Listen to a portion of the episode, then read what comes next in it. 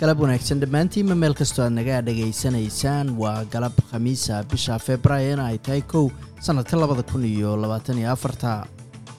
Halkaad nagala socotaanna waa laantaaf soomaaliga ee idaacadda s b s. Magacayguna waa xasan jaamac wararkana maanta waxaa ugu waaweyn ra'iisul wasaare antony albanisi ayaa sheegay in canshuur jariddu aysan kordhin doonin lacagaha dulsaarka ah.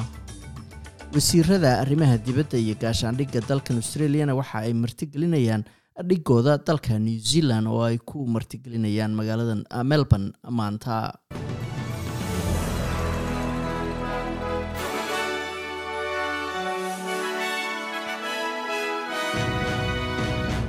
Ra'iisul wasaare antony albanisi ayaa dafiray hadalhayn sheegaysa in canshuuraha in canshuuraha laga jarayo dadka ay soo galaan dakhliyada hoose iyo kuwa dhexe ay markaasi kor u qaadi karaan lacagaha dulsaarka taasoo keeni karta dhibaato dheeraada wakhtiga fog. Aqlabiyadda dadka australiyaanka ayaa iyagu doonayay canshuur jarid ka badan midda dowladdu hadda ay soo jeedisay taasoo qayb ka ahayd isbeddelka lagu sameynayo canshuur jaridda heerka saddexaad.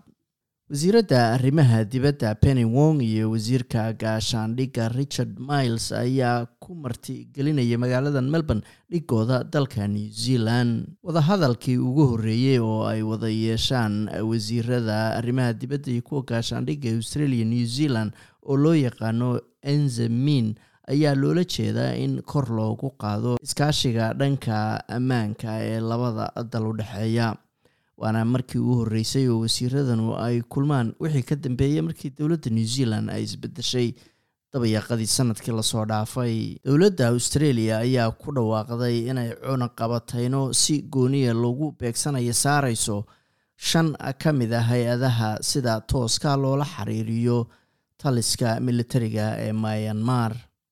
Wasiiradda arrimaha dibadda dalkan australia penny wong ayaa sheegtay in go'aanka looga jawaabayo taliskan oo ku sii adkeysanaya cadaadiska uu ku hayo shacabka reer myanmar. Rabshooyinka ka sii daraya iyo guud ahaan xaaladda siyaasadeed tan biniaadanimo iyo tan amniga dalka oo ka sii daraysa. South africana waxa ay golaha ammaanka ee qaramada midoobey u sheegtay in go'aankii maxkamadda dembiyada caalamiga iyo maxkamadda cadaaladda caalamiga ay muujinayso in israa'iil ay ku kacayso wax lidi ku ah waajibaadka caalamiga ee iyada saaran oo ay ku jiraan inay sameynayso waxyaalo lidi ku ah xeerka xasuuqa. Madaxa shirkadda weyn ee meta oo iyadu iskale facebooka mark zuckerberg ayaa raaligelin siiyey qoysas ka qaybgalayay dhegeysi ka dhacayay aqalka sanadka ee dalka mareykanka isagoo ka raaligeliyey saameynta bartiisa bulshadu ay ku yeelatay carruurta.